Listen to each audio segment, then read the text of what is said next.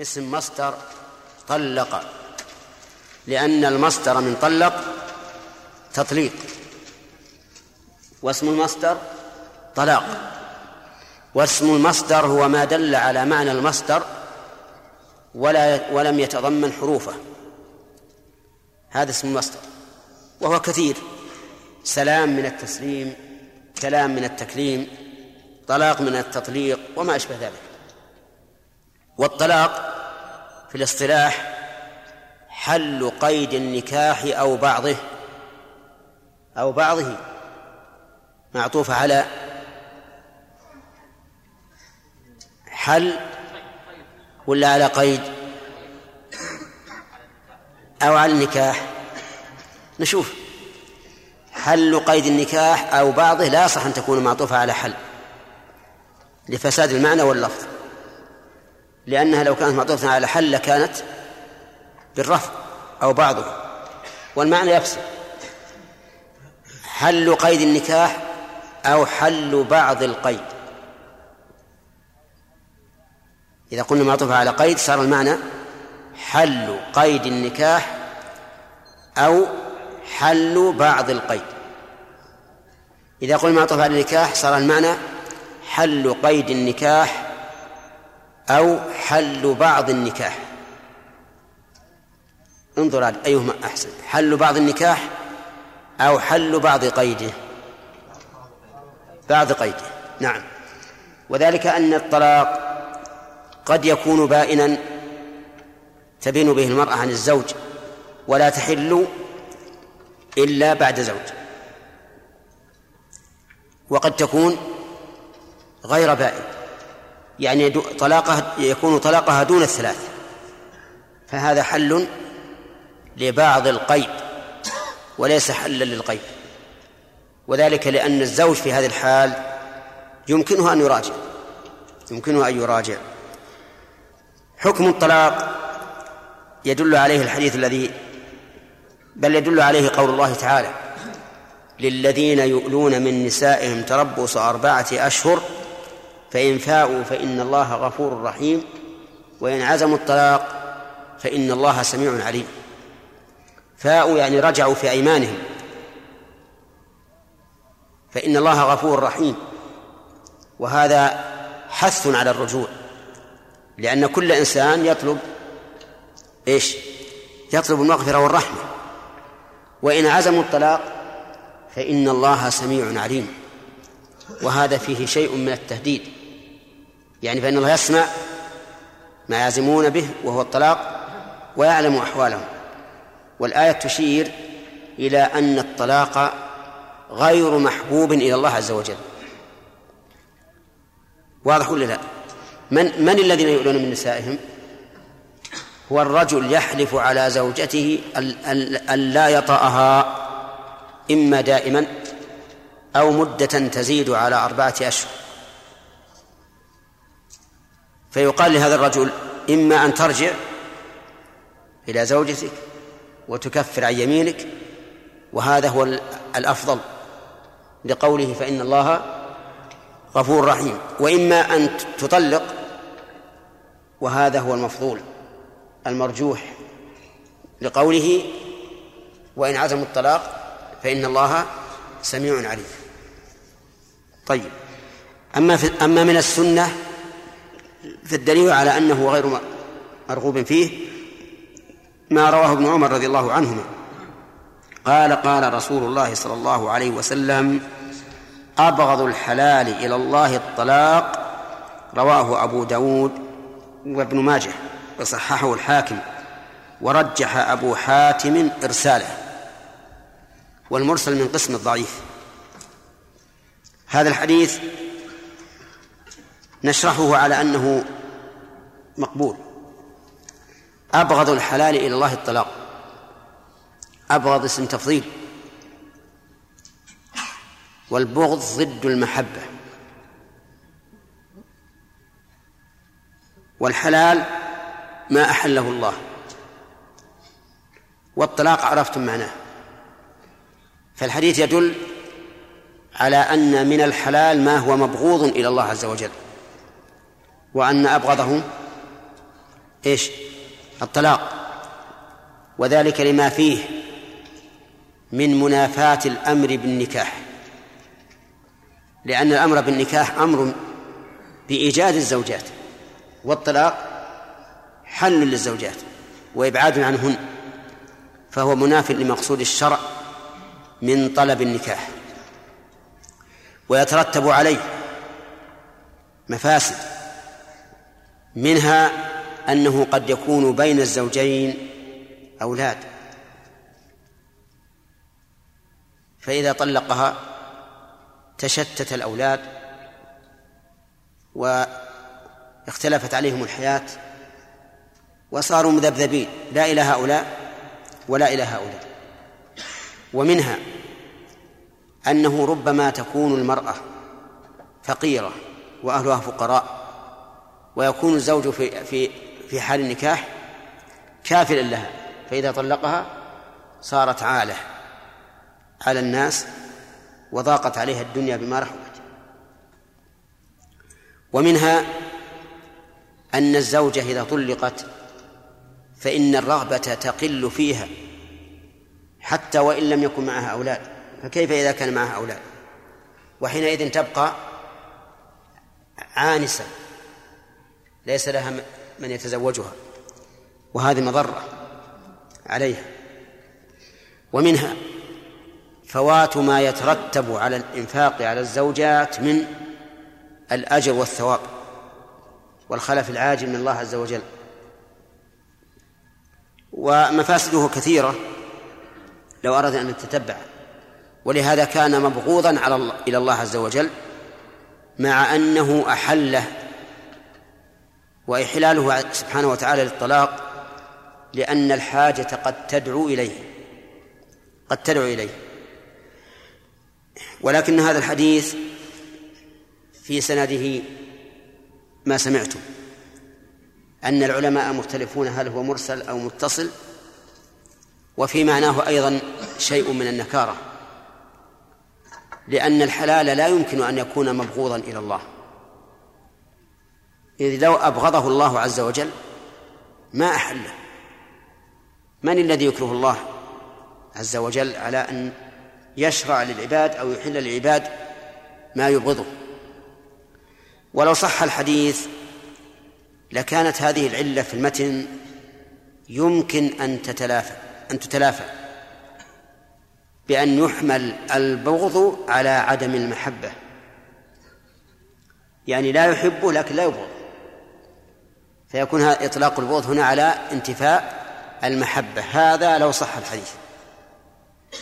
وإذا لم يصح فقد كفينا إياه.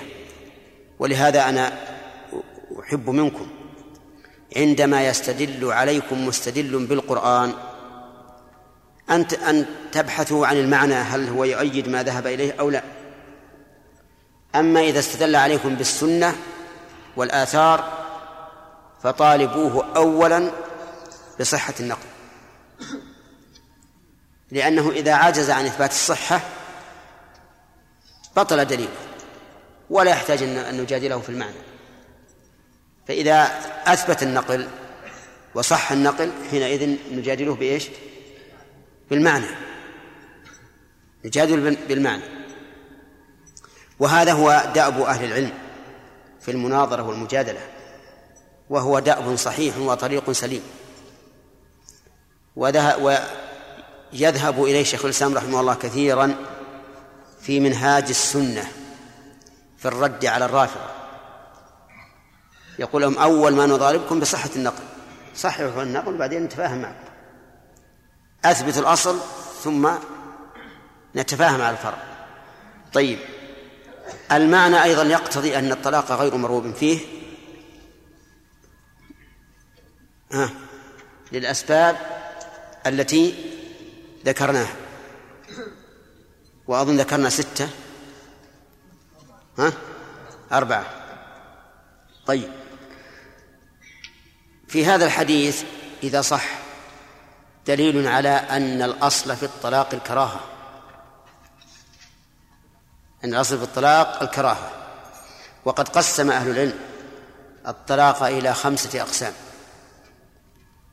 وقالوا إنه من الأشياء التي تجري فيها الأحكام الخمسة. الأحكام التكليفية الخمسة وهي الوجوب والتحريم والكراهة والاستحباب والإباحة. فمتى يجب؟ يجب في الإيلة. يجب في الإيلة. إذا آل الإنسان أن لا يجامع زوجته فإننا نطالبه إما بالطلاق وإما بالفيئة بالرجوع. إذا أبى الفيئة ألزمناه بالطلاق. وجب عليه أن يطلق. ويحرم للبدعة يعني إذا كان في حيض أو في طهر جامع فيه فهو حرام. لقوله تعالى يا أيها النبي إذا طلقتم النساء فطلقوهن لعدتهن. أي طلقوهن في زمن تبدأ فيه العدة. أي في الوقت الذي تبتدئ فيه العدة. طلقوهن. يستحب لتضرر الزوجة بالبقاء مع الزوج. يعني إذا كان لمصلحة الزوجة ودفع الضرر عنها فهو مستحب لما فيه من الإحسان إليها إلى الزوجة. فيدخل في عموم قوله تعالى وأحسنوا إن الله يحب المحسنين. فإذا رأينا أن الزوجة تتضرر في بقائها مع الزوج وهي تطالب بالطلاق قلنا له جزاك الله خيرا طلقها أحسن إليها. إيش قلنا؟ الرابع. الرابع الإباحة. الإباحة إذا دعت الحاجة إليه. إذا دعت الحاجة إليه فهو مباح. ودعاء الحاجة إلى الطلاق له أسباب. له أسباب. إما معيشية وإما اجتماعية أو غير ذلك. المهم متى دعت الحاجة إليه فهو مباح. والخامس الكراهة وهي فيما عدا ذلك. لأنها الأصل. لأنها الأصل. فما خرج عن الكراهة فلا بد له من سبب. فإذا قال قائل أنتم قلتوا إنه مباح للحاجة هل هذا ينطبق على القاعدة الأصولية؟ فالجواب نعم. لأن القاعدة الأصولية أن المكروه تبيحه الحاجة. كذا ولا لا؟ طيب. ما هي القاعدة اللي قرأنا في القواعد؟ ناظم القواعد ماذا قال؟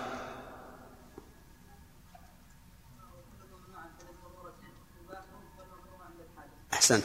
تمام. كل ممنوع بالضرورة يباح. والمكروه عند الحاجة. طيب. ثم قال وعن ابن عمر رضي الله عنهما أنه طلق امرأته وهي حائض في عهد رسول الله صلى الله عليه وسلم فسأل عمر رسول الله صلى الله عليه وسلم عن ذلك إلى آخره ولا يمكن أن نتكلم عليه. نعم يا ريان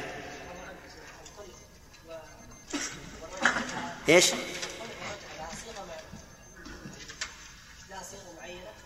لا. ما دل على على الخلة فهو خلة ما في مسح لأن, لأن هذا بيكون في خلع بيكون في فداء نعم؟ كيف العقد الجديد؟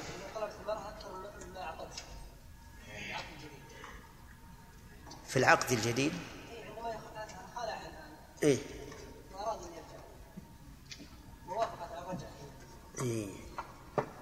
فهمتم هذه؟ ها؟ هو طمر بنا طمرة جيدة يقول إذا خالعت الزوجة الزوج فالفراق يكون بائنا أو أو رجعيا بائنا يكون بائنا أليس كذلك؟ لكن لو تراضت هي وزوجها على فسخ هذا العقد يعني فسخ الحل بأن قالت أنا برد. بأن قال أنا أبرد عليك أبرد عليك ما أخذت وأرجع عليك. فهل يجوز أو لا؟ يلا يا عمر. لماذا؟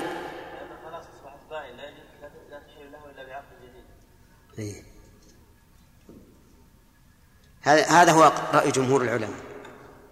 على أنهما لو أرادا الإقالة في الخلع فلا إقالة.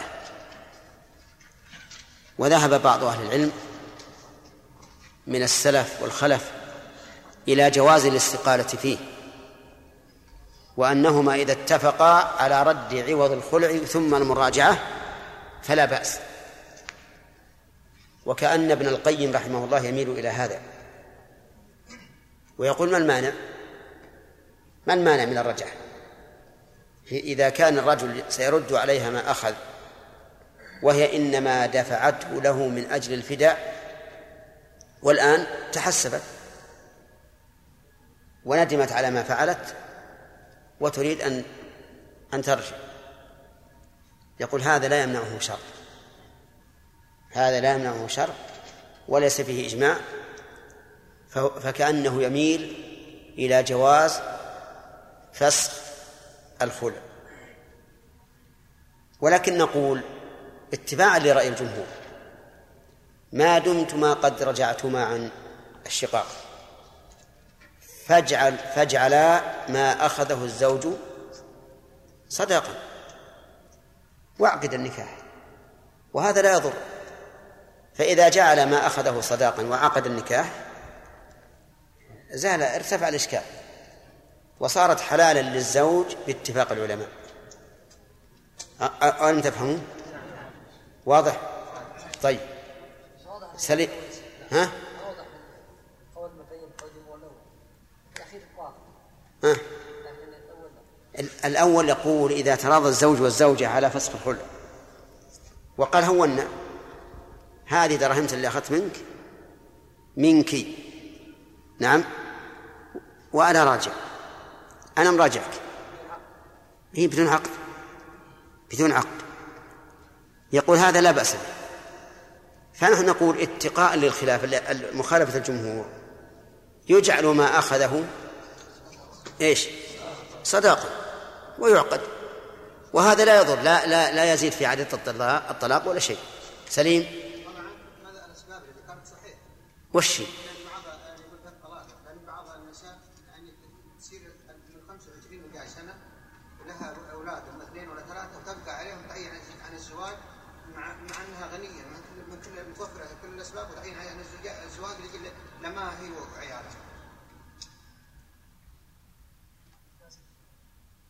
هذا عود على الفتح.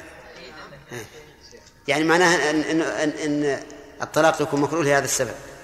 صحيح ما في شك. نعم.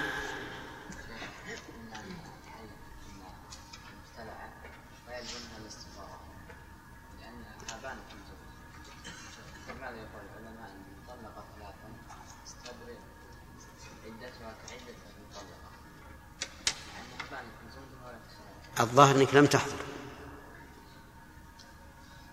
ولا لا؟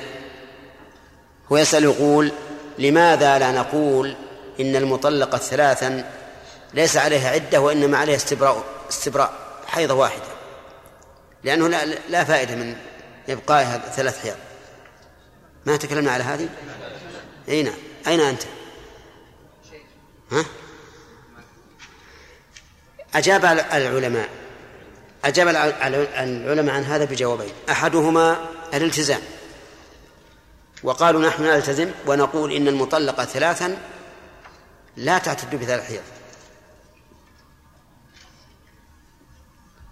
وقالوا يؤيد قولنا أو يؤيد قولنا قول الله تعالى والمطلقات يتربصن بأنفسهن ثلاثة قروء ولا يحل لهن يكتمن ما خلق الله في أرحامهن إن كن يؤمن بالله واليوم الآخر وبعولتهن أي بعولة المطلقات أحق بردهن في ذلك. أي في ذلك الزمن وهو ثلاث قروء إن أرادوا إصلاحا وقالوا إن هذه الجملة لا تصلح إلا لمن؟ للرجعية. وعلى هذا فالبائن للثلاث تطلق آه، تعتد بحيضة واحدة. وهذا اختيار شيخ الإسلام ابن تيمية رحمه الله. وأجاب الجمهور الذي يكاد يكون إجماعا بأن الطلاق له شأن آخر. والخلع له خصائص ليست للطلاق. الله باب الطلاق. عندك كتاب؟ ها؟ بالشرح شرح. كتاب. إيه، طيب. نعم. ما في معنى والله هو كتاب الطلاق أنسب. حتى في الفقه كاتبين كتاب الطلاق. نعم عن ابن عمر رضي الله عنهما قال قال رسول الله صلى الله عليه وسلم. أبغض الحديث نسخة. الله رواه أبو داود بن ماجه وصححه الحاكم ورجح أبو حاتم إرساله نعم. فؤاد. الرحمن الرحيم. قال المؤلف رحمه الله تعالى باب الطلاق. أولا لابد أن ما هو الطلاق.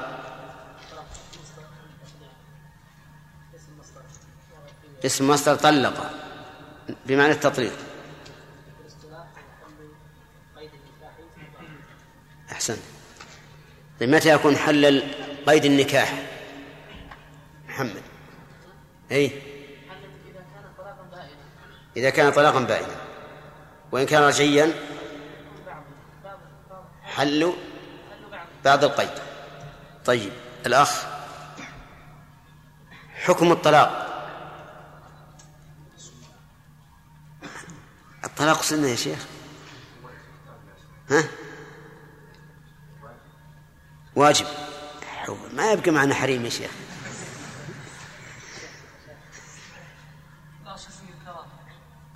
الأصل فيه الكراهة صح.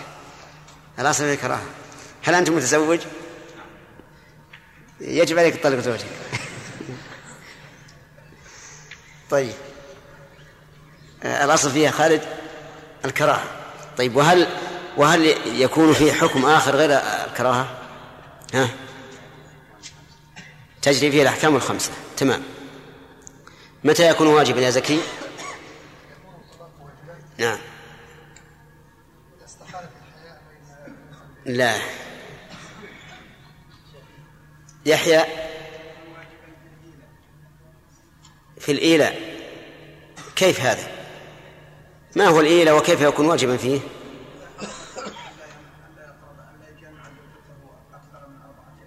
نعم. يعني يضرب له أربعة أشهر إما أن يرجع وإما أن يطلق ويلزم بذلك؟ تمام.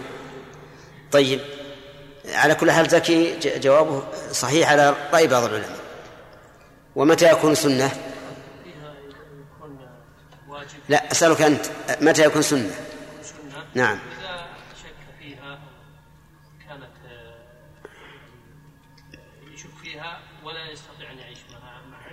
نحن على كل حال صحيح لكن ما ذكرناه نريد اللي ذكرنا. المفروض انك تعرف اللي ذكرنا؟ لأنك حاضر. نعم. إذا تضررت ببقاء النكاح فيكون مستحبا للإحسان إليها. تمام. أما موضوع الشبهة فقد يكون واجبا. طيب يا آدم بن زكريا متى يكون حراما؟ إذا كان للبدعة. ومتى يكون للبدعة؟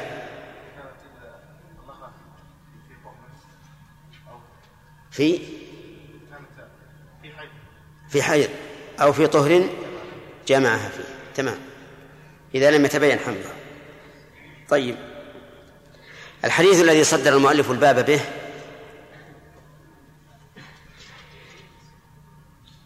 فيه صفة من صفات الله عز وجل.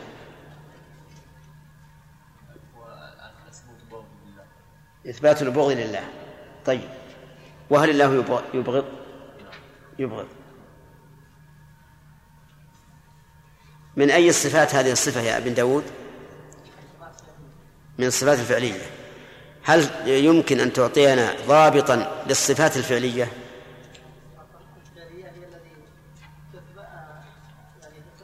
هي الذي هي الذي صحح التعبير يا شيخ. هي التي نعم. هي التي الله سبحانه وتعالى بها عند مقتضاها نعم. عند مقتضاها؟ إذا إذا لا صحح العبارة في مقتضى هذه. عند. عند موجبه عند موجبها أو مقتضيها. طيب. زين. لو قال قائل يا أحمد. القاضي. لو قال قائل الصفات الفعلية إن كانت كمالا فلماذا لا يتصف بها أزلا وأبدا؟ وإن كانت نقصا فلماذا يتصف بها أحيانا؟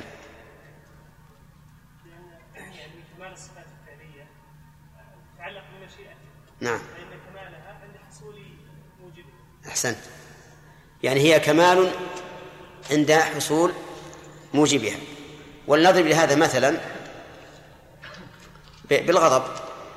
الغضب عند وجود سببه كمال وبدون سبب نقص.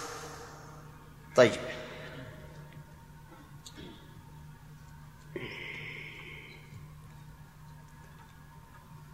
هل صفات الله تتفاضل؟ عبد الله.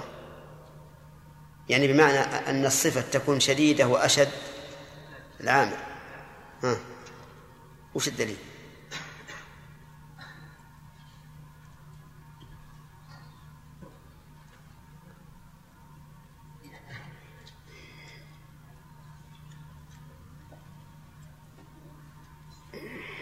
كيف تقول نعم بلا دليل؟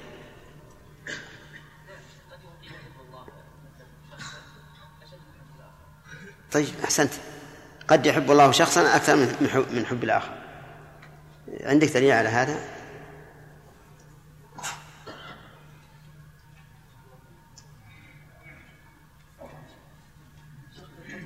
ها. في الحديث. أبغض اسم تفضيل. وأبغض ال- الرجال إلى الله الألد الخصم. أحب الأعمال إلى الله الصلاة على وقتها. وأمثال هذا كثير. طيب.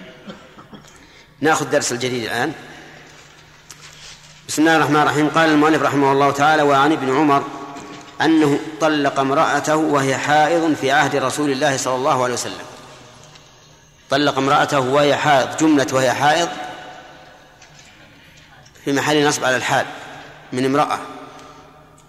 والحيض معروف وهذا الدم الطبيعي الذي يعتاد الأنثى في أيام معلومة.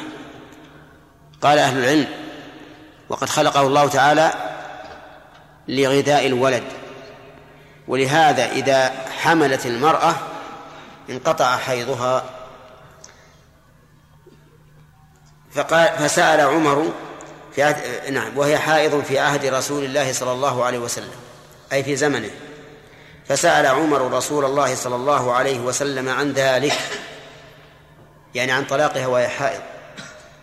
وهذا السؤال يحتمل أنها أنها حال غريبة أن يطلق وهي حائض وأنه من العادة عندهم أن لا يطلق الرجل امرأته وهي حائض لأن هذا السؤال لا بد له من سبب. وإلا لسكت عمر وأجرى الأمور على ما هي عليه. وإنما قررنا ذلك لئلا لئلا يحتج محتج على وقوع الطلاق في زمن الحيض بكون النبي صلى الله عليه وسلم لا يستفصل المطلقين. وترك الاستفصال في مقام الاحتمال ينزل منزلة العموم في المقال. وسيأتي إن شاء الله تعالى هذا في بيان حكم طلاق الحائض. فسأل عمر رسول الله صلى الله عليه وسلم عن ذلك يعني عن طلاقه إياها وهي حائض فقال مره فليراجعها يعني قل له راجعها. مره أي قل له راجعها بلفظ الأمر فليراجعها. واللام في قوله فليراجعها لام الأمر. ولهذا جزم الفعل بها وسكنت بعد الفاء. لأن لام الأمر تسكن بعد الفاء وثم والواو. من من كان يظن أن ينصره الله في الدنيا والآخرة فليمدد بسبب إلى السماء ثم ليقطع فلينظر ثم ليقضوا تفثهم وليوفوا نذورهم. مره فليراجعها ثم يمسكها حتى تطهر. ثم تحيض ثم تطهر. قوله فليراجعها. هل المراد بالمراجعة هنا المراجعة اللغوية أو المراجعة الشرعية؟ على قولين للعلماء. فمنهم من قال المراد بالمراجعة المراجعة الشرعية. وهي لا تكون إلا بعد ثبوت الطلاق إلا بعد ثبوت الطلاق لأن المراجعة الشرعية إعادة مطلقة على ما كانت عليه قبل الطلاق. ومن العلماء من قال هي المراجعة اللغوية التي معناها إرجاع المرأة إلى ما كانت عليه أو ردها إلى بيتها أو ما أشبه ذلك. وعلى الأول جمهور العلماء وعلى الثاني شيخ الإسلام ابن تيمية ومن وافقه في ذلك. وسيأتي الله ذكر الخلاف في هذه المسألة وهذه المسألة من أكبر مسائل الخلاف وأخطرها. ولهذا سوف نقرأ زاد المعاد إن شاء الله في هذه المسألة بعد ما ننهي من شرح الحديث. لأنه مهم. طيب. ثم يمسكها حتى تطهر ثم تحيض ثم تطهر. انتبه. يردها. ويمسكها حتى تطهر. ثم تحيض ثم تطهر. وفي هذا الحال لا يجامع. لا يجامعها. يتركها. بدون جماع. فعلى هذا لا بد أن تكمل الحيضة التي وقع فيها الطلاق. ثم الطهر الذي بعدها. ثم الحيضة الثانية. فإذا جاء الطهر الثاني فهو بالخيار. ولهذا قال ثم إن شاء أمسك بعد وإن شاء طلق. طلق. أمسك يعني أمسكها عنده ولم يطلقها. مطلق يعني طلاقا جديدا أو طلق الطلاق الأول. ينبني على الخلاف في المراجعة السابقة. إن كانت مراجعة شرعية يعني كانت بعد وقوع الطلاق الأول فالطلاق هذا طلاق ثاني. وإلا فالطلاق هو الأول. يعني ثم شاء طلق يعني أعاد الطلاق مرة ثانية. أعاده أي كرره. ولكن يقول قبل أن يمس. قبل أن يمس أي قبل أن يجامع. لأنه لو جامعها بعد طهرها من الحيض وجب عليه أن ينتظر حتى تحيض ثم تطهر ثم يطلق. إذ أنه لا يجوز للرجل أن يطلق زوجته في طهر جامعها فيه. يقول فتلك العدة التي أمر الله أن تطلق لها النساء متفق عليه. فتلك المشار إليه ما سبق من الكلمات أو الحكم العدة التي إلى آخره. وهنا يقول تلك العدة التي أمر وأنث الإشارة باعتبار المشار إليه وهو الخبر. ولهذا قال العلماء إذا جاء اسم الإشارة بعد مذكر و بين مذكر ومؤنث فلك الخيار. بين أن تذكره اعتبارا بما سبقه أو تؤنثه اعتبارا بما لحقه. نعم. فتلك العدة التي أمر الله أن تطلق لها لها النساء. في أي آية؟ في سورة النساء القصيرة. تسمى عند السلف سورة النساء القصيرة. وسورة النساء الطويلة التي بعد آل عمران. هذه سورة النساء قصيرة لأن أكثر ما فيها من الأحكام يتعلق بالنساء وطلاقهن. المهم هي سورة الطلاق. يا أيها النبي إذا طلقتم النساء فطلقوهن لعدتهن. وحينئذ تكون عدتهن أن يطلقهن في طهر لم يجامعها فيه إلا أن تكون حاملا. فإن كانت حاملا فليس لطلاقها سنة ولا بدعة. كل طلاقها سنة. كل طلاقها سنة. يعني إذا طلق الحامل ولو كان جمعها قبل قليل فالطلاق سني ليس بدعيا. ومن قال من العلماء إنه لا سنة ولا بدعة لحامل فالمعنى أن البدعة لا تتصور فيها. وإلا فإن طلاقها لا شك طلاق سنة لأنه طلق للعدة. طيب. وفي رواية لمسلم مره فليراجعها ثم ليطلقها طاهرا أو حاملا. طيب الفرق بين هذه الرواية وما سبق؟ أن قوله فليطلقها, فليطلقها طاهرا يدخل فيها ما إذا طلقها بعد طهرها من الحيضة التي وقع الطلاق فيها.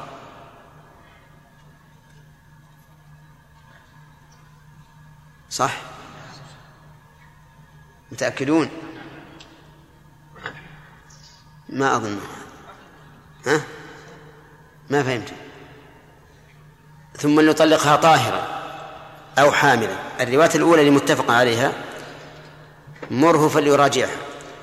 ثم يمسكها حتى تطهر. ثم تحيض ثم تطهر.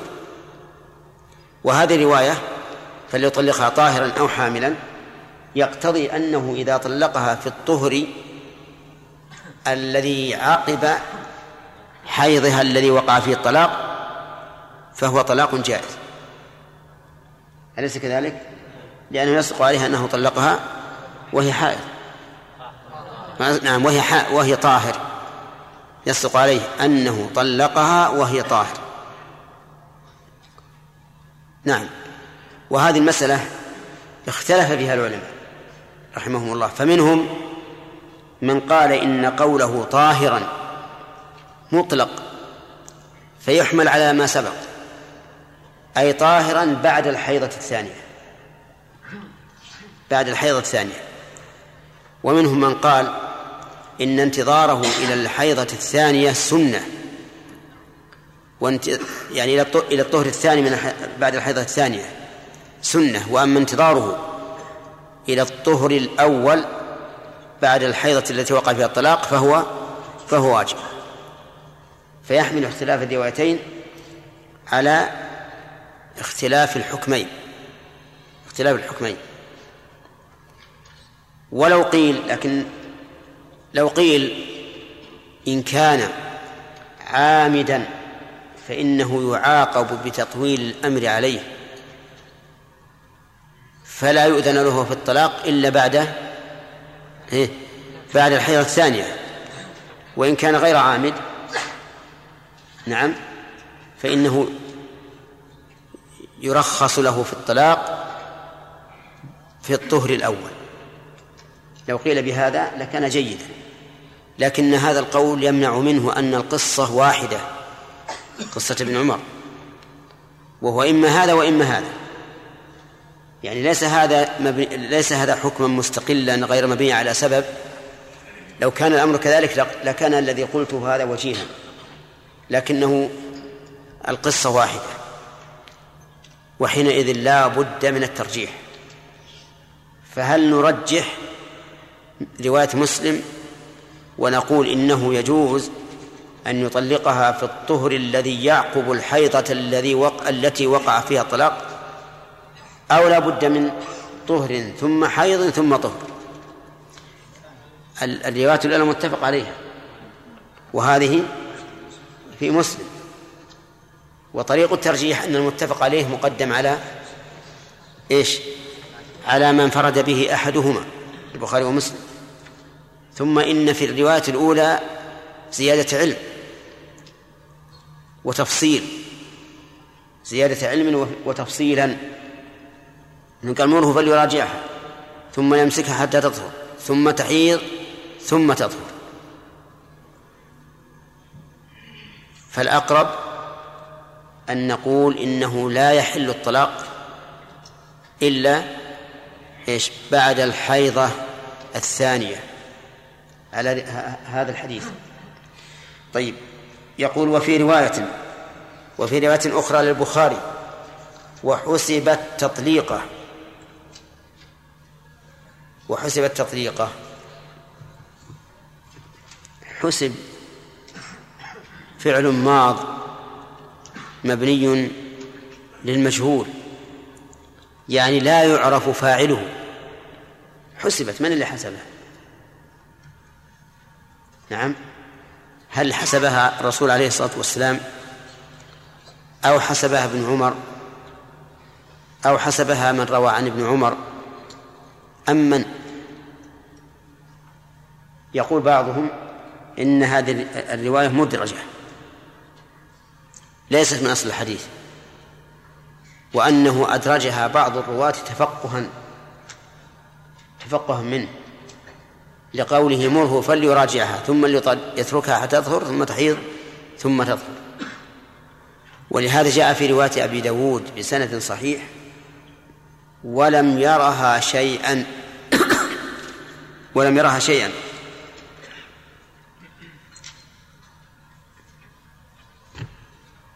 ردها. ولم يرها شيئا. ما معنى ولم يرها شيئا؟ يعني لم يعتبرها. وقال الذين يقولون بوقوع الطلاق في الحيض ولم يرها شيئا. يعني آه، موافقا للشرع ما لم يرها شيئا يحسب ويعد. يعني لم يرها شيئا موافقا للشرع. ولكن لا شك أن هذا خلاف ظاهر اللفظ. كما سنذكر إن شاء الله في المرجحات. نعم. وفي رواية لمسلم. قال ابن عمر أما أن تطلقتها واحدة أو اثنتين فإن رسول الله صلى الله عليه وسلم أمرني أن أراجعها ثم أمسكها حتى تحيض حيضة أخرى ثم أمهلها حتى تطهر ثم أطلقها قبل أن أمسها. وأما أنت طلقتها ثلاثا فقد عصيت ربك فيما أمرك من طلاق امرأتك. وفي رواية أخرى قال عبد الله بن عمر فردها علي ولم يرها شيئا وقال إذا طهرت فليطلق أو ليمسك.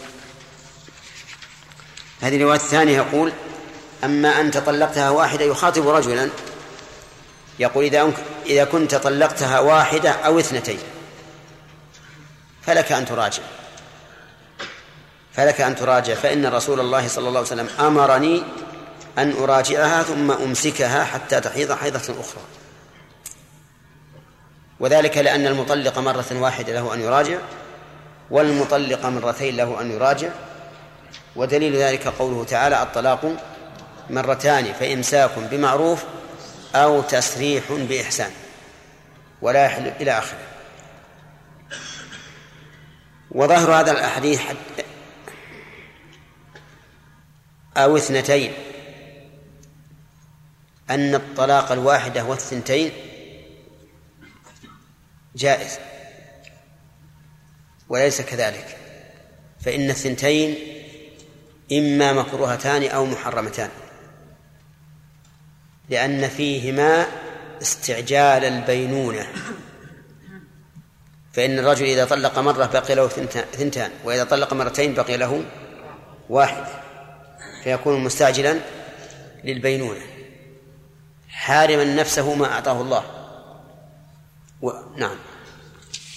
يقول وأما أنت طلقتها ثلاثا فقد عصيت لك فقد عصيت ربك فيما أمرك به من طلاق امرأتك.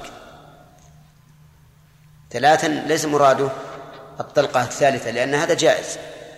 لكن مراده طلقتها ثلاثا فقلت أنت طالق ثلاثا أو قلت أنت طالق أنت طالق أنت طالق. فإنك قد عصيت ربك فيما أمرك من طلاق امرأتك. وذلك لأن الطلاق إنما يكون مرة واحدة. ثم مرة أخرى. ثم مرة ثالثة. بعد رجعة أو عقد جديد. نعم في هذا الحديث فوائد. أولا أن الأحكام قد تخفى على أهل العلم. من أين تؤخذ؟ من خفاء تحريم الطلاق في الحيض على ابن عمر. ومنها بل وعلى عمر أيضا. ومنها أنه يجوز للإنسان أن يسأل عن فعل غيره. عن فعل غيره. أي عن حكمه. ودليل ذلك أن عمر سأل النبي صلى الله عليه وسلم عن فعل ابن عمر. ولكن هذا يقيد بما إذا كان بما إذا كان يسأل يريد أن ينصح صاحبه. أما إذا كان يريد أن يشمت به فهذا لا يجوز. ومن فوائد الحديث جواز الاستنابة في إبلاغ الحكم الشرعي. جواز الاستنابة في إبلاغ الحكم الشرعي. من أين تؤخذ؟ مره فليراجعه. وعلى هذا فإذا استناب المفتي شخصا آخر وقال له قل للجماعة هذا حلال أو هذا حرام فإنه يجوز. ولكن هل يقول المستنيب قال فلان كذا أو يجزم بالحكم؟ الثاني وإن شاء الأول. يعني له أن أن يجزم بالحكم وله أن يقول قال فلان كذا. وعلى هذا فعمر هل قال له إن النبي صلى الله عليه وسلم أمرني أن آمرك بمراجعتها؟ أو قال راجعها؟ نعم. يجوز هذا وهذا. لكن ليظهر والله أعلم أنه الثاني. أنه قال راجعها ومن فوائد هذا الحديث تحريم الطلاق في الحيض.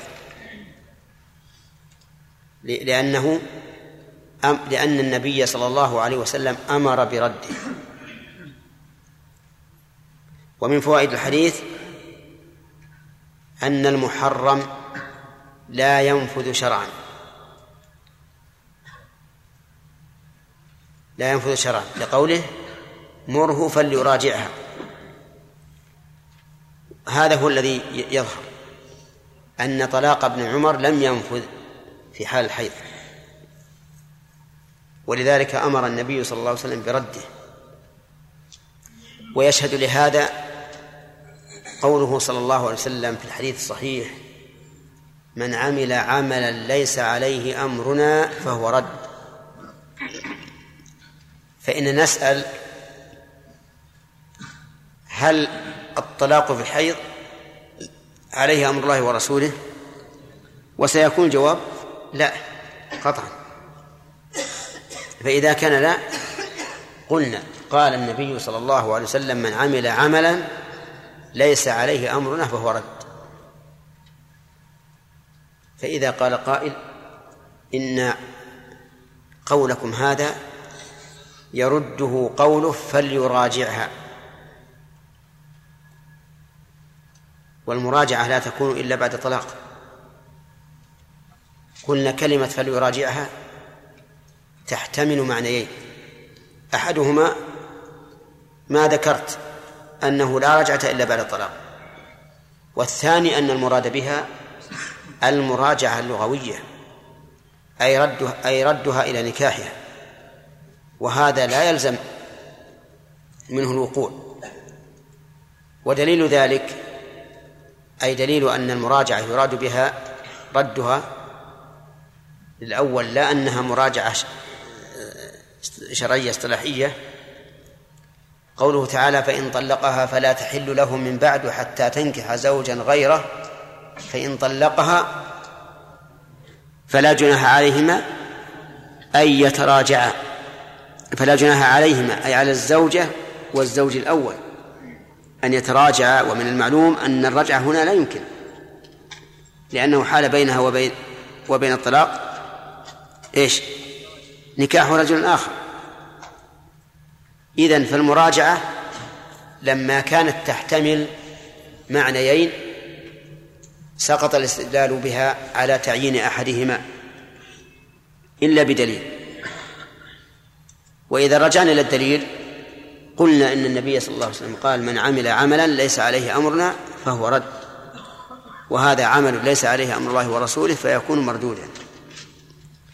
وأيضا لو أمرناه أن يراجعها واحتسبنا الطلاق لزم من ذلك أن نضيق على المطلق لأنه سيكون مطلقا كم؟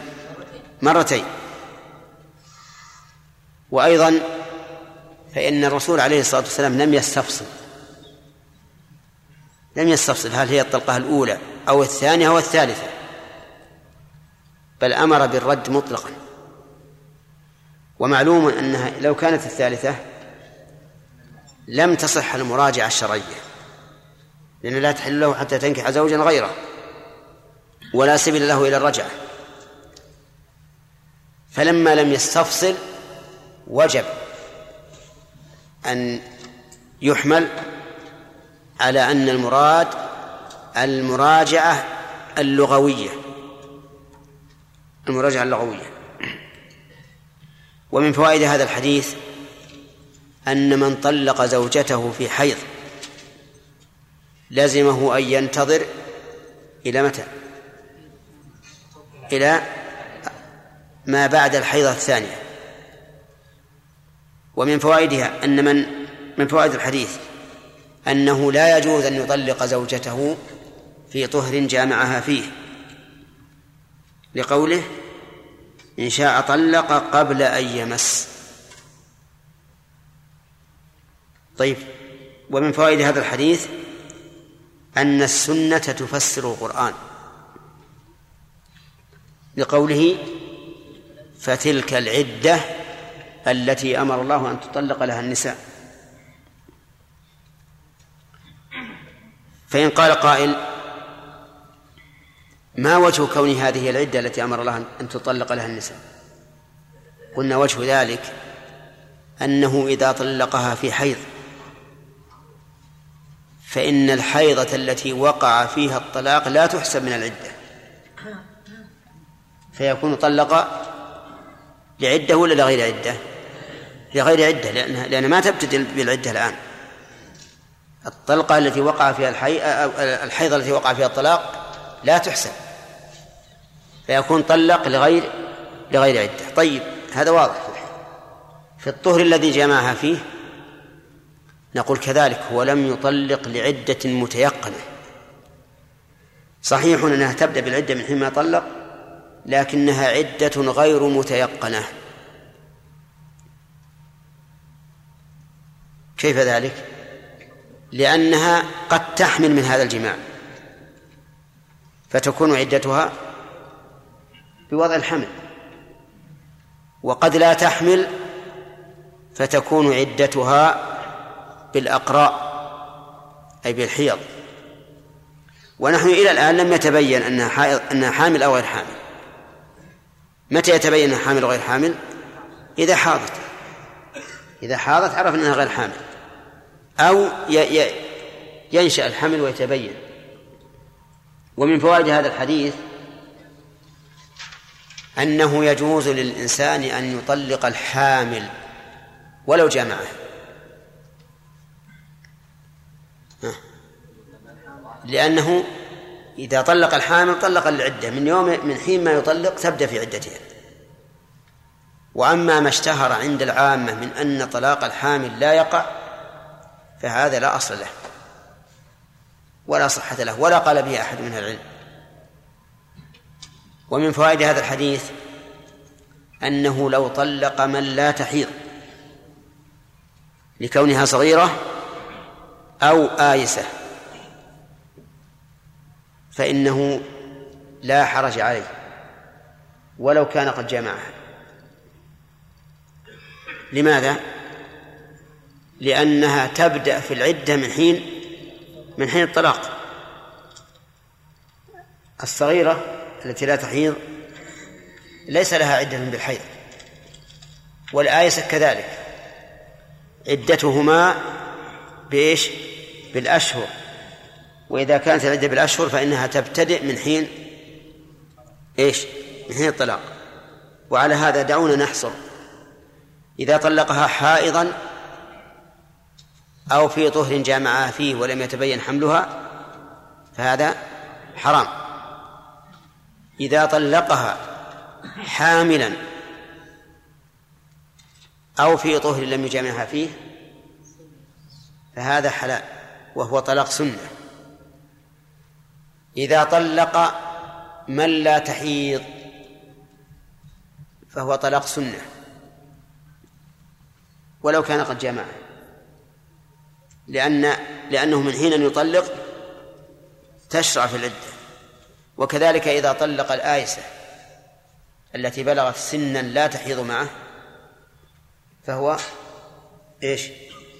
طلاق سنة وليس لها وتشرع في العدة من حين الطلاق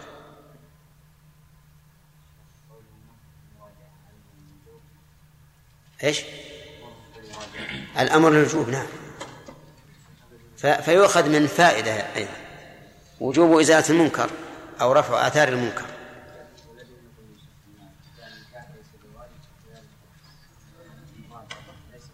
لا واجب لأجل التصحيح لأن الشيء إذا شرع فيه وجب أن يتمه على ما جاءت به الشريعة. ها؟ نعم. ما ذكرناه أمس. ذكرنا أمس أدلة من القرآن والسنة والمعنى في الدرس القادم الماضي يمكن ما حضرت.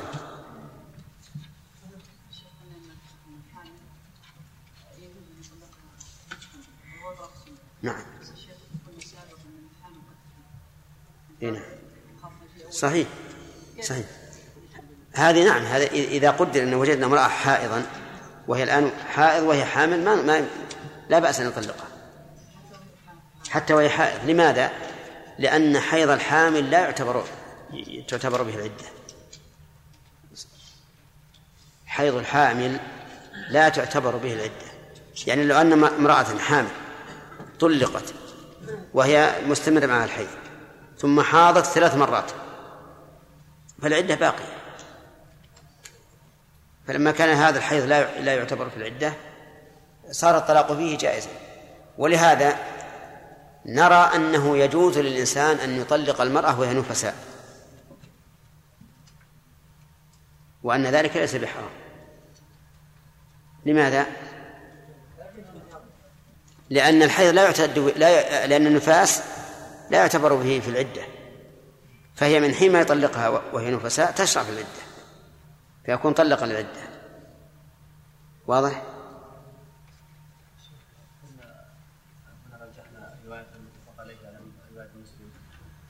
فيما سبق رجحنا رواية مسلم على متفق عليه. في حديث ما رواه ابن عباس أن الرسول صلى الله عليه وسلم تزوج ميمونة في كان محرم. ولميمونة نفسها عن مسلم أنها تزوجت تزوجها الرسول صلى الله عليه وسلم وهو وهو ما كان محرم. جيد. يقول إننا قلنا من جملة الترجيح ترجيح الرواية التي اتفق عليها البخاري ومسلم. نعم. ولكن يرد على هذا إشكال وهو أن ابن عباس رضي الله عنهما روى أن النبي صلى الله عليه وسلم تزوج ميمونة وهو محرم ولكن ميمونة وأبا رافع السفير بينهما تقول إنه تزوجها وهي حلال.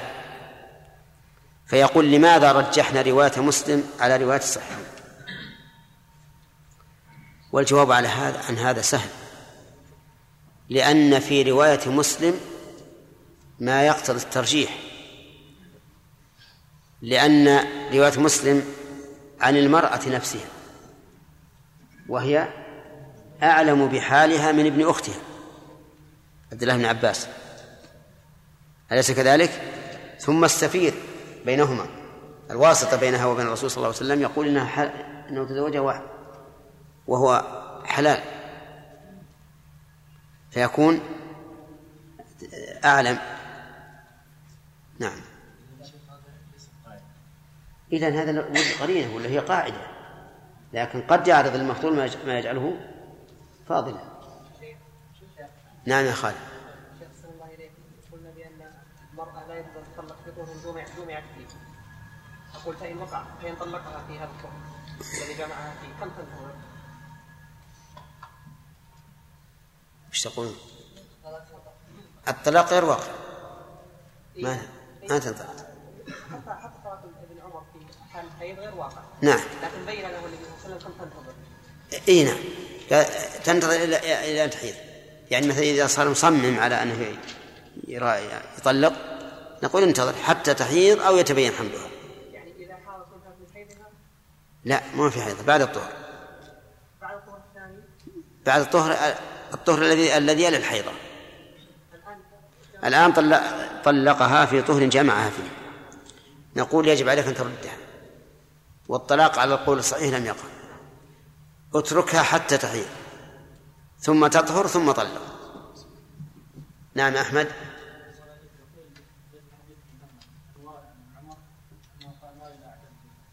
إيش؟ ما لي إيش؟ حديث ميمونة؟ إي نعم. على كل حال إن شاء الله سنقرأ عليكم زاد المعاد حتى لا تنصرفوا إلا وأنتم تقولون إن هذا هو القول المتعين. اصبروا بس. نعم. ريان نعم.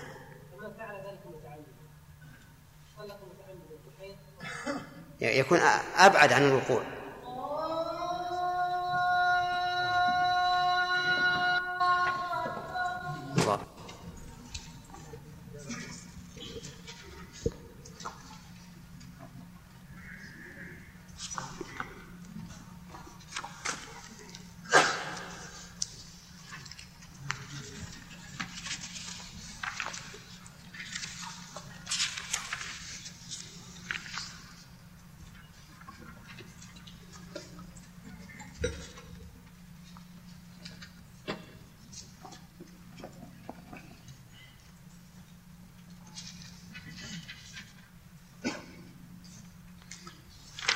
كم الصفحة؟ ها؟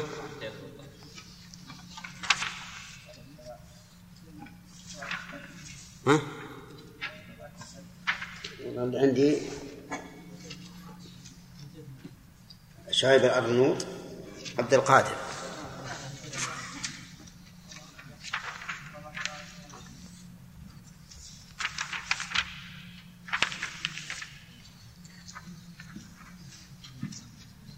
نعم عندي 218 بسم الله الرحمن الرحيم. الحمد لله رب العالمين وصلى الله وسلم على نبينا محمد وعلى آله وصحبه أجمعين.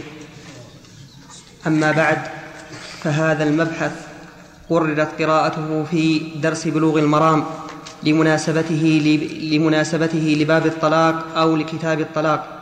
قرر دراسته وقراءته في هذا الدرس شيخنا حفظه الله من كتاب ابن القيم زاد المعاد في هدي خير العباد. فأقول مستعينا بالله سبحانه وتعالى.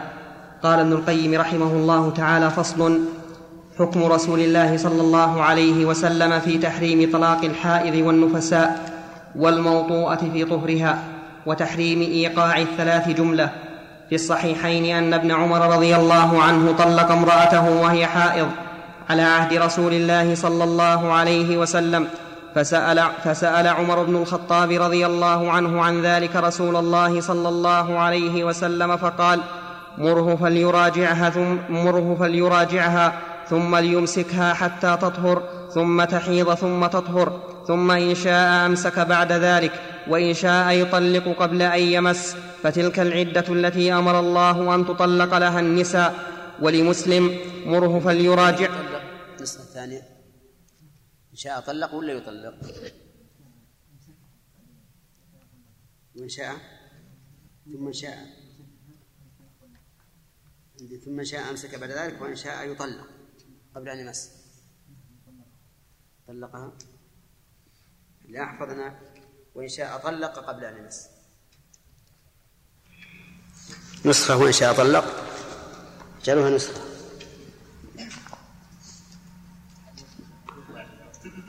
نعم.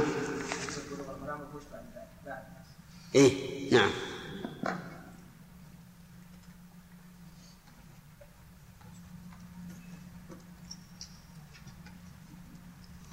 ولمسلم مره فليراجعها. ثم ليطل ثم ليطلقها طاهرا ثم أو ليطلقها. ثم ليطلقها طاهرا أو حاملا.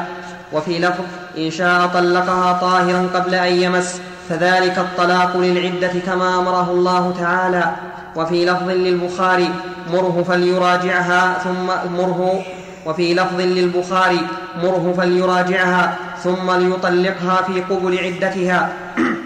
وفي لفظ وفي لفظ لأحمد وأبي دا وفي لفظ لأحمد وأبي داود والنسائي عن ابن عمر رضي الله عنهما قال طلق عبد الله بن عمر امرأته وهي حائض فردها عليه رسول الله صلى الله عليه وسلم ولم يرها شيئا وقال إذا طهرت فليطلق أو ليمسك. وقال ابن عمر رضي الله عنه قرأ رسول الله صلى الله عليه وسلم يا أيها النبي إذا طلقتم النساء فطلقوهن في قبل عدتهن. فتضمن هذا الحكم أن الطلاق على أربعة أوجه وجهان حلال ووجهان حرام فالحلالان أن يطلق امرأته طاهرا من غير جماع أو يطلقها حاملا مستبينا حملها والحرامان أن يطلقها وهي حائض أو يطلقها في طهر جامعها فيه هذا في طلاق المدخول بها وأما من لم يدخل بها فيج وأما من لم يدخل بها فيجوز طلاقها حائضا وطاهرا كما قال تعالى لا جناح عليكم إن طلقتم النساء ما لم تمسوهن أو تفرضوا لهن فريضة. وقال تعالى يا أيها الذين آمنوا إذا نكحتم المؤمنات ثم طلقتموهن من قبل أن تمسوهن فما لكم عليهن من عدة تعتدونها. وقد دل على هذا قوله تعالى فطلقوهن لعدتهن وهذه لا عدة لها ونبه عليه رسول الله صلى الله عليه وسلم بقوله فتلك العدة التي أمر الله أن تطلق لها النساء ولولا هاتان الآيتان اللتان فيهما إباحة الطلاق قبل الدخول لمنع لمنع من طلاق من لا عدة له عليها وفي سنن النسائي وغيره من وجه ذلك. لأن الله قال طلقوهن لعدتهن. وهذا يقتضي أن لا طلاق إلا لعد لعدة. والمدخول والتي لم يدخل بها ليس عليها عدة. لكن الله صرح بأن من لم يدخل بها فإنه يجوز طلاقها لا جناح عليكم. إن طلقتم النساء ما لم تمسوهن أو تفرضوا لهن فريضة.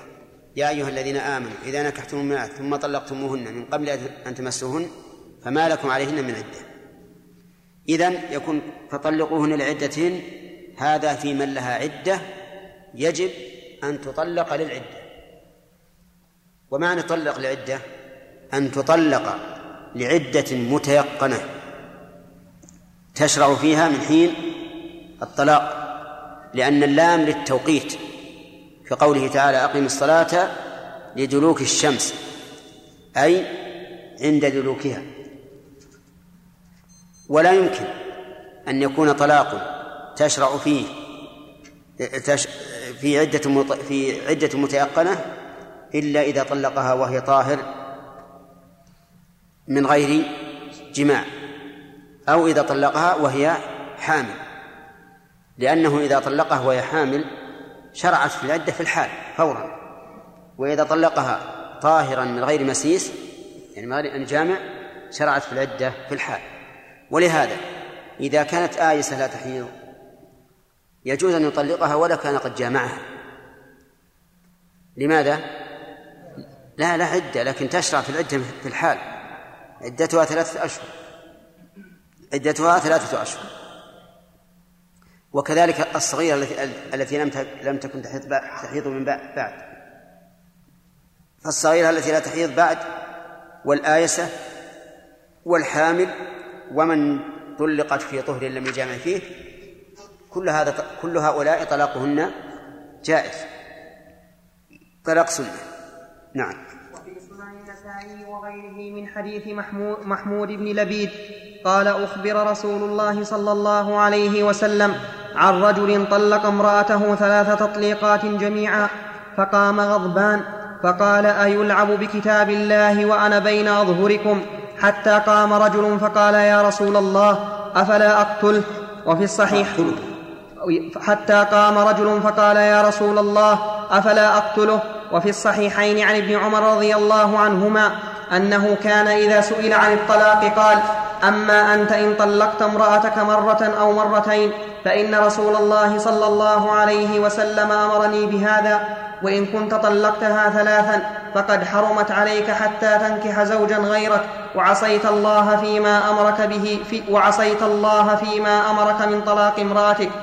فتضمنت هذه النصوص أن المطلقة نوعان مدخول بها وغير مدخول وغير مدخول بها وكلا وكلاهما لا يجوز تطليقها ثلاثا مجموعة ويجوز تطليق غير المدخول بها طاهرا وحائضا وأما المدخول بها فإن كانت حائضا أو نفسا حرم طلاقها وإن كانت طاهرا فإن كانت مستبينة الحمل جاز طلاقها بعد الوطء وقبله.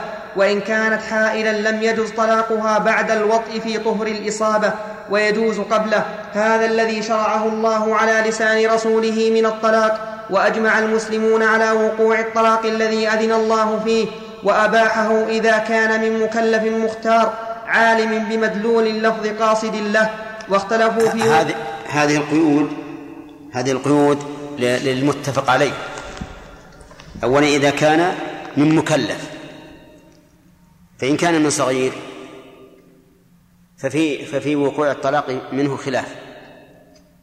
والمذهب يقع إذا كان يعقل الطلاق وإذا كان من مجنون لا يقع الطلاق لأنه لا يعقل مختار ضده المكره فالمكره لا يقع منه الطلاق لقول النبي صلى الله عليه وسلم لا طلاق في إغلاق. والثالث عالم بمدلول اللفظ. فإن كان لا يعلم كرجل أعجمي قال لزوجته أنت طالق وهو لا يعرف معنى طالق. أو رجل عربي قال لزوجته باللغة غير العربية ما معناه أنت طالق؟ فإنه لا يقع الطلاق. لماذا؟ لأن لا, يعلم مدلوله. ما أدري وش معنى أنت طالق. الثالث قاصد له. الرابع قاصد الله مكلف مختار عالم بمدلول اللفظ قاصد الله. فإن لم يقصد فإنه لا يقع الطلاق. يعني لو قال لزوجته أنت طالق ولا قصد الطلاق. فإنه لا يقع. ولكنه يقع حكما. يعني عند التحاكم نلزمه به. نلزمه لأن النية أمر باطل ما يعلم. وهنا ينبغي أن نقسم قول القائل أنت طالق إلى ثلاثة أقسام. القسم الأول أن ينوي الطلاق فيقع الطلاق ولا إشكال فيه. الثاني أن ينوي غير الطلاق بأن يقول بأن ينوي بقوله أنت طالق أي من قيد يعني ما أنت مربوطة فهذا لا يقع الطلاق ولا إشكال فيه. الثالث أن لا يقصد هذا ولا هذا. يكون كلمة خرجت تكون كلمة خرجت من لسانه ولا يقصد لا هذا ولا هذا. فهذا أيضا لا يقع منه الطلاق. لكن لو حاكمته المرأة ورجعنا إلى القاضي فإن القاضي يحكم بالطلاق. يحكم بالطلاق. اعتبارا بإيش؟ بظاهر اللفظ. اعتبارا بظاهر اللفظ. ولئلا يقع التلاع ولئلا يقع التلاعب من من أهل الفسق. فيطلق ألف مرة ويقول ما أردت الطلاق. فإذا قال قائل إذا كان الحكم يقع عليه الطلاق وليس لنا إلا الظاهر فهل يجب على المرأة أن تحاكم الزوج لإيقاع الطلاق أو لا يحل لها أن تحاكم الزوج خوفا من أن يكون صادقا. فالجواب عن على هذا أن نقول يجب أن تنظر إلى حال الزوج. إن كان عند الزوج تقوى الله وخشية له وأنه لا يمكن أن يدعي أنه لم يرد الطلاق إلا وهو صادق فهنا لا يحل لها أن تحاكمه. لأنها إذا حاكمته سوف يفرق بينها وبينه وهي زوجته. وإن كان الرجل من المتهاونين الذين لا يبالون ليس له هم إلا أن يشبع رغبته فيجب عليها أن تحاكمه. يجب أن تحاكمه من أجل أن يحكم القاضي بالطلاق فيفرق بينهما. نعم. واختلفوا في وقوع المحرم من ذلك وفيه مسألتان. المسألة الأولى الطلاق بقي في كلام المؤلف رحمه الله يقول وأما المدخول به فإن كانت حائضا أو نفساء حرم طلاقه أما الحائض فلا شك في تحريم الطلاق لما جرى من قصة ابن عمر رضي الله عنهما. فإن الرسول عليه الصلاة والسلام تغيظ فيه ورده لكن إذا كانت نفساء إذا كانت نفساء ففي تحريم طلاقها نظر. وفي عدم وقوعه أيضا نظر. لأن من طلقها نفساء فقد طلقها للعدة. والنبي عليه الصلاة والسلام علل التحريم بأنه مخالف للعدة التي أمر الله أن تطلق لها النساء والنفس إذا طلقها زوجها فقد طلقها للعدة صح؟ ها؟ ها؟ نعم فقد طلقها للعدة لأنها تشرع في العدة من حين أن يطلقها فإن النفاس لا يحتسب به في الطلاق بخلاف الحيض. فتشرع في العدة من حين أن يطلقها. كما لو طلق الآيسة والصغيرة التي التي التي لا تحيض لأنها تشرع في الحدة في العدة من حين الطلاق. فالظاهر لي أنا أن الطلاق أن طلاق النفساء لا يحرم وأنه يقع. لأن لأن المطلق قد امتثل أمر الله في قوله طلقوهن لعدتهن. فهذه النفساء تبقى في عدتها تشرع في العدة من حين الطلاق. وتبقى حتى يأتي الحيض ثلاث مرات. بخلاف من طلقها في الحيض. إذا طلقها في الحيض فإن الحيضة التي وقع فيها الطلاق لا تحسب من العدة. عرفتم؟ فيكون قد طلق لغير العدة لأنها لا تحسب من العدة. فهذا هذا هو الفرق. نعم.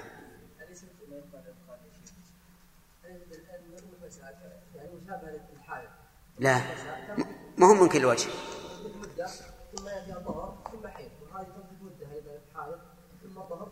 اي لكن الفرق بينهما أن الطهر معتبر في العدة أن الحيض معتبر في العدة. ثلاث حيض. والنفاس غير معتبر. لا.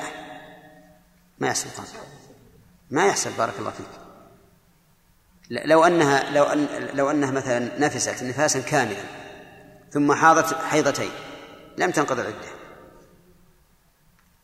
فهي شارعة في العدة من حين أن طلق. أما التي طلقها في حيض وهي حائض فإنه لم يطلقها للعدة ليش؟ لأن هذه الحيضة زائدة عليها. تبي تكون عدتها ثلاث حيض ونصف مثلا. لا أصلا ما هو معتبر النفاس. النفاس غير معتبر. تشرع في العدة من حين يطلقها. نعم. نعم. إيش؟ إي نعم. لا. الهازل قاصد اللفظ لكنه يمزح. فهو قاصد اللفظ ولهذا كان طلاق الهازل واقعا نعم. إيش؟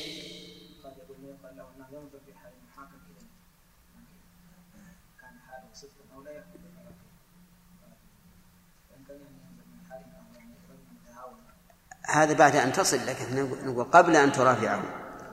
لأن الحاكم قد يجهل حال الرجل ولا يعرف عنه شيء فيحكم بالظاهر.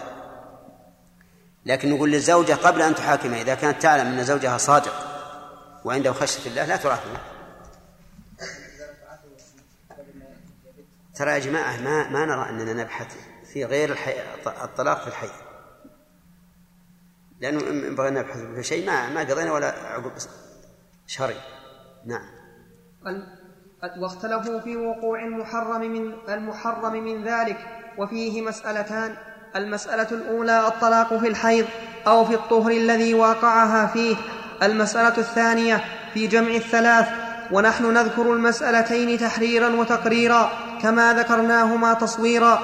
ونذكر حجج الفريقين ومنتهى أقدام الطائفتين مع العلم بأن المقلد المتعصب لا يترك من قلده ولو جاءته كل, ولو جاءته ولو جاءته كل آية. وأن طالب الدليل لا يأتم بسواه ولا يحكم إلا إياه. ولكل من الناس مورد لا يتعداه وسبيل لا يتخطاه. ولقد عذر من حمل ما انتهت إليه قواه وسعى إلى حيث انتهت إليه خطاه. فأما المسألة الأولى فإن, فإن الخلاف في وقوع الطلاق المحرم لم يزل ثابتا بين السلف والخلف وقد وهم من ادعى الإجماع على وقوعه وقال بمبلغ علمه وخفي عليه من الخلاف ما اطلع عليه غيره. وقد قال الإمام أحمد من ادعى الإجماع فهو كاذب وما يدريه لعل الناس اختلفوا. كيف والخلاف بين الناس في هذه المسألة معلوم الثبوت معلوم الثبوت عن المتقدمين والمتأخرين؟ قال محمد بن عبد السلام الخشني حدثنا محمد بن بشار قال حدثنا عبد الوهاب بن عبد المجيد الثقفي قال حدثنا عبيد الله بن عمر عبيد. قال حدثنا عبيد الله بن عمر عن نافع مولى بن عمر عن ابن عمر رضي الله عنهما أنه قال في رجل طلق امرأته وهي حائض قال ابن عمر لا لا يعتد بذلك لا يعت قال ابن عمر لا يعتد بذلك. ذكره أبو محمد ذكره أبو محمد ذكره أبو محمد أبو محمد بن حزم في المحلى بإسناده إليه. وقال عبد الرزاق في مصنفه عن ابن جريج عن ابن طاووس عن أبيه أنه قال كان لا يرى طلاقا ما خالف وجه الطلاق ووجه العدة وكان يقول وجه الطلاق أن يطلقها طاهرا من غير جماع وإذا استبان حملها وقال الخشني حدثنا محمد بن المثنى قال حدثنا عبد الرحمن بن مهدي قال حدثنا همام بن يحيى حدثنا همام بن يحيى عن قتادة عن خلاس بن عمرو أنه قال في الرجل يطلق امرأته وهي حائض قال لا يعتد بها قال أبو محمد بن قال أبو محمد بن حزم والعجب من جرأة من ادعى الإجماع على خلاف هذا وهو لا يجد فيما يوافق قوله في إمضاء الطلاق في الحيض أو في طهر جامعها فيه كلمة كلمة عن أحد من الصحابة رضي الله عنهم غير رواية عن ابن عمر. قد عارضها ما هو أحسن منها عن ابن عمر وروايتين ساقطتين عن عثمان وزيد بن ثابت رضي الله عنهما. إحداهما رويناها من طريق ابن وهب عن ابن سمعان عن رجل أخبره أن عثمان بن عفان رضي الله عنه كان يقضي في المرأة التي يطلقها زوجها وهي حائض أنها لا تعتد بحيضتها تلك وتعتد بعدها بثلاث بثلاث بثلاث بثلاثة وتعتد بعدها بثلاثة قروء قلت وابن سمعان هو عبد الله بن زياد ابن سمعان الكذاب وقد رواه عن مجهول لا يعرف. قال أبو محمد والأخرى من طريق عبد الرزاق عن عبد من طريق عبد الرزاق عن هشام بن حسان عن قيس بن سعد مولى أبي علقمة عن رجل سماه عن زيد بن ثابت أنه قال في من طلق امرأته وهي حائض يلزمه الطلاق وتعتد بثلاث حيض سوى تلك الحيضة. قال, ابن قال أبو محمد بل نحن أسعد بدعوى الإجماع ها هنا لو, استج لو استجزنا ما يستجيزون ونعوذ بالله من ذلك وذلك أنه لا خلاف بين أحد من أهل العلم قاطبة ومن جملتهم جميع المخالفين لنا في ذلك أن الطلاق في الحيض أو في طهر جامعها فيه بدعة نهى عنها رسول الله صلى الله عليه وسلم. مخالفة لأمره فإذا كان لا شك في هذا عندهم فكيف يستجيزون الحكم بتجويز البدعة التي يقرون أنها بدعة وضلالة؟ أليس بحكم المشاهدة مجيز البدعة مخالفا لإجماع القائلين بأنها بدعة؟ قال أبو محمد وحتى لو لم يبلغنا الخلاف لكان القاطع على جميع أهل الإسلام بما لا يقين عنده ولا بلغه عن جميعهم كاذبا على جميعهم. قال المانعون من وقوع الطلاق المحرم. تفهمون الكلام الجملة الأخيرة إيش معناها؟ وحتى لو لم يبلغنا الخلاف لكان القاطع على جميع أهل الإسلام بما لا يقين عنده ولا بلغه عن جميعهم كاذبا على جميعهم القاطع هنا اسم كان وكاذبا خبرها. يعني ما أن اللي يقطع بالإجماع يكون كاذبا على جميع الناس جميع الناس. من قال إنهم أجمعوا على هذا؟ والمسألة لم يروى فيها إلا عن عثمان بهذا السند الضعيف. كما شاهدتم وقال وزيد بن ثابت. فكيف يدعى الإجماع بأنه يقع؟ وحزم يقول نحن أسعد بدعوى الإجماع. ها هنا لو استجدنا ما يستجيزون ونعوذ بالله من ذلك. وش اللي يستجيزون؟ دعوى الإجماع. دعوى الإجماع. نعم. قال الم... نعم. قال المانعون من وقوع الطلاق المحرم. لا لا يزال النكاح لا يزال النكاح المتيقن إلا بيقين مثله من كتاب أو سنة أو إجماع متيقن. فإذا أوجدتمونا واحدا من هذه الثلاثة رفعنا حكم النكاح به ولا سبيل إلى رفعه بغير ذلك. قالوا وكيف والأدلة المتكاثرة تدل, تدل على عدم وقوعه؟ فإن هذا طلاق لم يشرعه الله تعالى البتة ولا أذن فيه فليس من شرعه فكيف يقال بنفوذه وصحته؟ قالوا وإنما يقع من الطلاق المحرم ما ملكه الله تعالى للمطلق ولهذا لا يقع به الرابعة لأنه لم يملكها إياه ومن المعلوم أنه لم يملكه الطلاق المحرم ولا أذن له فيه فلا يصح. وإنما يقع من الطلاق ما ملكه الله. وش عندك بقى قديمة؟ ها؟ المحرم؟ وش عندك؟ قالوا إيش تمام هذا صحيح إيش على المحرم؟ قالوا وإنما يقع من الطلاق ما ملكه الله تعالى للمطلق ولهذا لا يقع به الرابعة لأنه لم يملكها إياه ومن المعلوم أنه لم يملكه الطلاق المحرم ولا أذن له فيه فلا يصح ولا يقع قالوا